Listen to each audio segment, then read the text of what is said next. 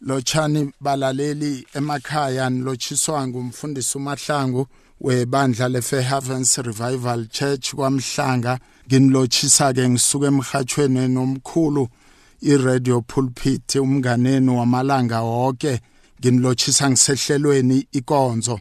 Ngibawa ke mlaleli nawe mzalwane ekhaya sibe nesikhatshana sihlephule izwi lenkosi. Ngifuna ukukhuluma ngesihloko namhlanje. Esithi Lord clothe us with the Holy Spirit. Zimu ngimboze noma zimu ngimbese ngomoya oqwengileko. Zimu simbese ngomoya oqwengileko. Sihloko engifuna ukukhuluma ngaso namhlanje. Izwi lenkosi silithola lapha encwadini yethu kaJohn eh Johannes eh 14 eh bese sifunda uverse 26 efundeka ngalendlela egameni elinamandla lenkosethu Jesu Kristu. Fundeka ngalendlela umsizi umoya oqwengileko ubaba azamthumela ngebizo lami. Uzanifundisa yonke into anikhumbuze konke enginitshele khona. Babegameni elinamandla lenkosethu Jesu Kristu. Leli yizwi lakho baba liyaphila linamandla. Khuluma ngalo ke uNkulunkulu wami sikulalele. Khuluma zimethu usifundise usiyale usiqondise ngendlela ethandwa nguwe egameni elinamandla lenkosethu Jesu Kristu. Amen and amen. Nasibantwana bakazimu sisindisiwe. Sibantwana bakazimu simakristu. Eh kufanele sibe nomoya oqwengileko noma sigcwaliswe ngomoya oqwengileko sizaliswe empilweni zethu. Kungiloyo naloyo abe nawo umoya otswitswitswi noma umoya oqwengileko. Elithizwe lenkosi umsizi umoya oqwengileko. Ngombana nasibantwana bakazimu kufanele sibe naye umsizi kufanele sibe naye umoya oqwengileko.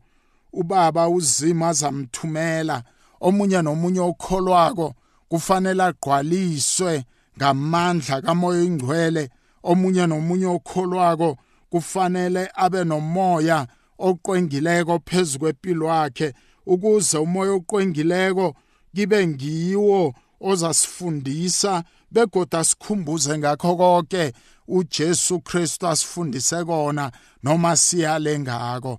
Ngaphandle kwakamoya ingcwele siyafana nekotikoti eliqenqezako elinganalitho nasibantwana bakazima abasindisiweko. Kufanele njalo sihlale sigqwele amandla kamoya ingcwele kufanele sihlale simbozwe mamandla kamoya ingcwele noma kamoya oqwengileko. Sifunda incwadi yesibili esiyithola lapha encwadini ethi yezenzo zabapostoli isahluko 8 uverse 16 ofundeka ngalendlela msinyana siyafunda fundeka ngalendlela uverse 16 no17 ngombani umoya oqwengileko bekangakahleli nakoyedwa wabo kodwana bebabhajadiswe. Bebabhajadiswe kwaphela ebizweni lenkosi uJesu. Yeke uPetros noJohannes bababeka izandla bamukela umoya oqwengileko. Kuthe bona uSimoni abone bonyana umoya umoya bekamukelwa ngokubekwa bapostoli izandla waletha imali. Bazalwane okubalulekile ukuthi omunye nomunye wethu osindisiweko noma omamukela uJesu njengenkosi nomsindisi kufanele ukuthi umoya oqwengileko moya kazimu wehlele phezukwakhe ngiloyo naloyo abe nomoya kazimu ophila ngaphakathi kwakhe. Moya oqwengileko ngiwo umsizi ngiwo begodo osifundisako ngiwo begodo ophilako wenza bonyana senze njengoba uzimu afuna kube nguye osikhombisa indlela kube nguye umoya ongcwele osiholako. Ngaphandle kwakamoya ingcwele bazalwane ukusindiswa kwethu noma impilo yethu yobuKristu ayikapheleli. Naku siyamthola uPetrosi fika kwabanye uyabathola ukuthi basindiswa kuphela egameni lenkosi yethu Jesu Kristu. Noma sisindiswe njalo kufanele amandla kamoya ingcwele ehlele phezukwethu funa namhlanje ukukhuluma noma ngichumayele ngomhlabelelo ohlabelelwa ngusesiwethu uthobekile mkhwanazi. Hlabelela umhlabelelo othi ngimboze moya oyingcwele. Sihloko esikhuluma ngaso sithi baba noma zimethu simboze noma simbathise amandla kamoya oqwengileko. Fanele sibantwana bakazimu swambatha amandla kamoya oqwengileko abe ngumsizi empilweni zethu abegodo asifundise ukwenza konke Nkosi uJesu esifundise ngakho noma esiyale ngakho. Uthi lo hlabelelaka uthobekile nakahlabelela uthi ngimboze moya ingcwele ngifihle ngenkazimulo yakho ubumina bucatshe kuwe. Phakama Jesu ungikhuphe mina. Ngamanye amagama bazalwana umoya ingcwele uma ungasimbozi. Usifihle enkazimulweni ubumina angeke buvaleke ubumina buyokuvela. Noma umzalwane sekasindisiwe kodwana ikani ayisuki. Mzalwana sindisiwe ukukhuluma kwakhe akufani nomuntu ophila ngezwi lenkosi noma umuntu ongumntwana kazimu. Ngoba nase sisindisiwe sibantwana bakazimu ngiwo umoya ingcwele osisizayo ukuthi senze intando kazimu. Ngiwumoya ingcwele ophakamisa uJesu ngaphakathi kwethu bese ubumina buphume. Usho njalo umhlabelelo uthi ngimboze moya ingcwele ngithi zimu simbathise ngomoya oqwengileko sifunda izwi lenkosi kuLukas 24 eh, uverse 49 ifundeka ngalendlela eh, uLukas 24 sifunde uverse 49 ofundeka ngalendlela egameni lika Jesu ngiyafunda masinyana fundeka ngalendlela ngizonithumela lokho ubaba akwethembisileko kodwana hlalani ngedorobheni kufikela lapha nembeswa khona ngamandla avela phezulu. Jesu Kristu uthi ubaba wathembisa ukuthi mina Jesu nangibuyele ekhaya ezulwini ngizonithumela isithembiso noma ngizokufezakalisa isithembiso ubaba anithembise sona. Kodwa okubalulekile ukuthi sihlale ngedorobheni.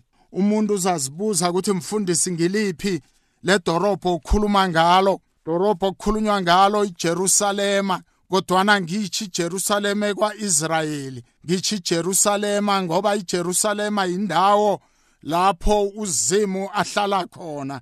iJerusalema indawo lapho umoya kazimu uhlala khona. iJerusalema indawo lapho kukhonzwa khona uzimu. Ngamanye amagama uJesu Kristu uthi ngizanithumela isithembiso uzima senzileko nina kwaphela nanihleli ekukholweni nina kwaphela nanihlezi nilindile nina kwaphela nanihlezi. Lapho nenza intando kababa uNkulunkulu nimlotsha uzimu yena yedwa egameni elinamandla lenkosi yethu Jesu Kristu. Uthi ngizanithumela lokho ubaba akwethembisileko kodwana uba kodwana hlalani ngedorobheni kufikela lapha nembeswa khona ngamandla avela phezulu. Moya ingcwele ngekhe wehle wehlele emuntwini ongekho ebukhoneni bukazimu. Moya ingcwele ngekhe wehle wehlele emuntwini ongahlanganyeli ebukhoneni bukazimu. Uzimu ufuna njalo sihlale ebukhoneni bakhe sihlale lapho sidumisa khona. Uhlale lapho uphakamisa igama lakhe. Uhlale lapho wenza intando yakhe. Kuze umoya oyingcwele wehlele phezukwethu nabazalwana abanengi namhlanje sisindisiwe. Siyamthanda uNkulunkulu kodwa namandla azange ehlele phezukwethu amandla avela phezulu zange ehlela phezukwethu kunamabandla kuyakhonzwa kuyakholwa kodwa namandla avela phezulu akakehleli phezukwabo bona ngani mfundisi ukuthi amandla kazima kekho izimangaliso zikazima zisenzeki impilo abazalwana abayiphilako ayifakazeli ukuthi babantwana bakazimu ngoba amandla avela phezulu akakehleli phezukwabo abazalwane bahlulekile ukuhlala ebukhoneni bukazimu emfihlakalweni kasomnini bafuna ubuso bakhe baphenduke ezonweni zabo balise konke kungakalungi amandla kamoya ingcwele avela phezulu abhalelwa ukwehlela phezukwabo sinabafundisi sinababhishophi sinabo bonke abashumayela ivangeli namhlanje kodwa namandla avela phezulu akakehleli phezukwabo ingakho emabandleni sekuba nezinto ezingaka izimbi ezenzakalako ngoba amabandla ayafana nama-society amabandla ayafana nama-stockfela ngoba lapho umoya ingcwele ungakehleli khona lapha amandla kaNkuluNkulu angakehleli khona kuyabonakala ngeke kwenzeke intando. Kazimu ngoba abazalwane siyahluleka ukuhlala ngedorobheni size samukeliswe amandla. Abanye uhleli nje kancane waphuma amandla angakehleli kuwe wathoma ukwenza umsebenzi kazimu amandla kamoya ingcwele angakehleli kithi. Ngakho emabandleni kuthulile kungasekho uthando kungasekho namandla wokuphilisa umuntu uyangena aphume abuyele ekhaya njalo uthi uthobe uthi uthobekile ngemboze moya ingcwele ngifihle ngenkazimulo yakho ubumina bucashe kuwe phakama nkosi uJesu phakama ngoba bazalwane uma sisindisiwe sehlelwa umoya ingcwele siyafihlwa ebukhoneni bukazimu ubuthina buyafa kuphakama uJesu Kristu. Uthi ngemboze zimu ngifihle enkazimulweni yakho ubumina bucashe Nkosi uJesu phakama uthi uma ungekho kimi namandla nginawo. Njengoba ngiceda ukusho bazalwane ukuthi emabandleni izimangalisa zisenzeki ngoba sikambathwa umoya engcwele. Uthi uma ungekho empilweni yami oh mina ngiyahluleka ngoba ngifundanga uthi ubunjalo bami buyavela ithemba liyaphela. Phakama Nkosi phakama. Jesu uphakame ukhiphe ubumina. Moya ingcwele na ufika kithi bazalwane uyasithobisa. Moya ingcwele na ufika kithi ukhipha ihlazo lethu. Moya ingcwele na ufika kithi usenza sikwazi ukukhuluma. Moya ingcwele na ufika kithi usinikeza iziphiwo zikamoya ingcwele. Moya ingcwele na ufika kithi usenza bazalwane senza izimangaliso. Lezi uJesu Kristu bekazenza. Ngakho lo hlabelelako athi phakama Nkosi uJesu ngoba uma ungekho kimi ubunjalo bami buyavela themba liyaphela. Kodwana na ukhona wena Nkosi uJesu yaphakama phakathi kwethu. Bese ubumina bucashe kuwe. Uthi phakama Nkosi uJesu phakama. Ngiyakucela ngemboze ngifihle ngenkazimulo yakho. Uthi hayi ubumina kodwana kuvele ubuwena. Uthi phakama Nkosi uJesu ukhiphe ubumina. Uthi uma ungekho empilweni yami Nkosi uJesu. Ubunjalo bami buyavela. Kunjalo bazalwane ngakho emabandleni abazalwane sikhukhumele. Ngakho emabandleni kukhulunywa izindaba. Ngakho emabandleni kulinyazwana ngoba lapho umoya engcwele angekho khona amazwi ayalimaza. Lapho umoya ingcwele kungasiwo sithobisako ukuthoba kukho. Lapho umoya ingcwele angekho khona abantu benza njengokuthanda kwabo ngoba bazalwane umoya ingcwele akekho. Akasiholi ngoba zange sihlale simbatha amandla. Asinawo amandla sikambathi kodwana sesishumayela ivangeli likaKristu. Ingakho emabandleni kugcwele ukulimazana ngoba abazalwana zange bahlale baze bamukeliswe amandla kamoya ingcwele ngiyafunda izwi lenkosi futhi kuzenzo zabapostoli zokuqala isahluko sokuqala verse 8 ufundeka ngalendlela kodwana nizakwamukela amandla lokha umoya ocwengileko nasele ehlele phezu kwenu. Niza kuba bofakazi bami eJerusalema kiyo yonke iJudiya neSamaria kufikela emaphethelweni wephasi. Bandla likaKristu emabandleni wethu siyahluleka ukuba ngofakazi bakaJesu ukusuka eJerusalema ukuya eSamaria eJudiya lonke. Nasemaphelelweni wephasi ngoba zange samukela amandla elithizwi lenkosi lapho umoya oqwengileko sewehlele phezukwethu siyokwamukeliswa amandla. Nase samukela amandla siyoba bofakazi. Ingakho kusweleke laba abachumayela ivangeli ingakho kusweleka abofakazi ingakho kusweleke ezindaweni esisebenzela kizo kungekho abafakazako. Ngoba abazalwana sinawo amandla. Umama umoya ingcwele sowufikile kithi siyokuphiwa amandla wokuba ngofakazi bakaJesu Kristu.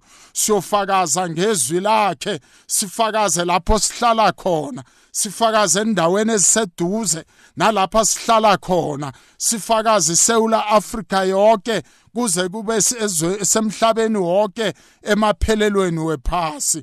Kodwana kwenzeki lokho ngombana sikambathi amandla kamoya oqwengileko. Nathi namhlanje sisho njengothobekile sithi baba semboze ngomoya oyingcwele usifihle enkazimulweni yakho bese ubuthina buqashe kuwe bese uJesu uyaphakama empilweni zethu. Lapho umoya oqwengileko sekasigqwalisile siyoba ngofakazi ukusuka eJerusalema ukuya eSamaria naseJudiya lonke bekube semaphelelweni wephasi. Semboze moya ingcwele sembathise amandla kamoya ingcwele sembathise zima amandla kamoya ingcwele ukuze ubuthina busuke ukuze baba usifihle enkazimulweni yakho bese baba kuphakama uJesu ngoba nakuphakama thina ithemba liyaphela. Uma umoya engcwele angekho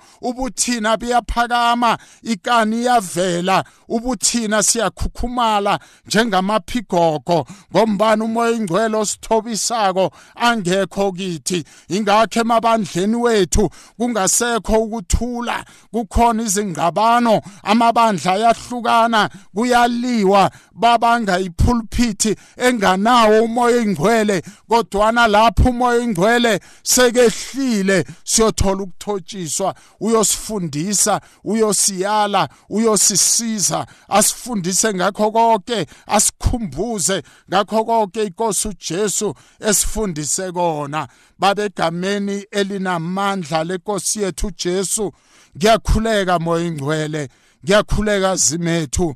Ngiyakhuleka baba namhlanje ukuthi baba semboze ngenkazimulo yakho semboze ngamandla kamoya ingcwele semboze ukuze ubuthina bunciphe emabandleni wethu ukube umoya ingcwele osifundisako kube umoya ingcwele osisolayo kube umoya ingcwele osigayidayo kube umoya ingcwele osikhumbuza konke inkosi uJesu Kristu esifundise kona. Baba naba abantwana bakhe emakhaya baba baphakamisa izandla bagcwalise ngomoya wakho ingcwele gcwalisa amabandla wethu gcwalisa baba impilo zethu semboze ngomlilo semboze ngenkazimulo semboze ngamandla kamoya ingcwele bese ubuthina bunqo bunciphe bese baba kuphakama ithemba kuphakama uJesu Kristu kuphakama amandla amasha ngoba baba simbesiwe ngamandla kamoya ingcwele lapho moya ingcwele wehlela kithi siyothola amandla wokuba ngofakazi siyothola amandla wokushumayela ivangeli ngesibindi siyothola amandla wokwenza imikariso mraro siyothola amandla wokuphilisa abagulako gameni elinamandla lenkosi yethu Jesu. Amen and amen. Hallelujah.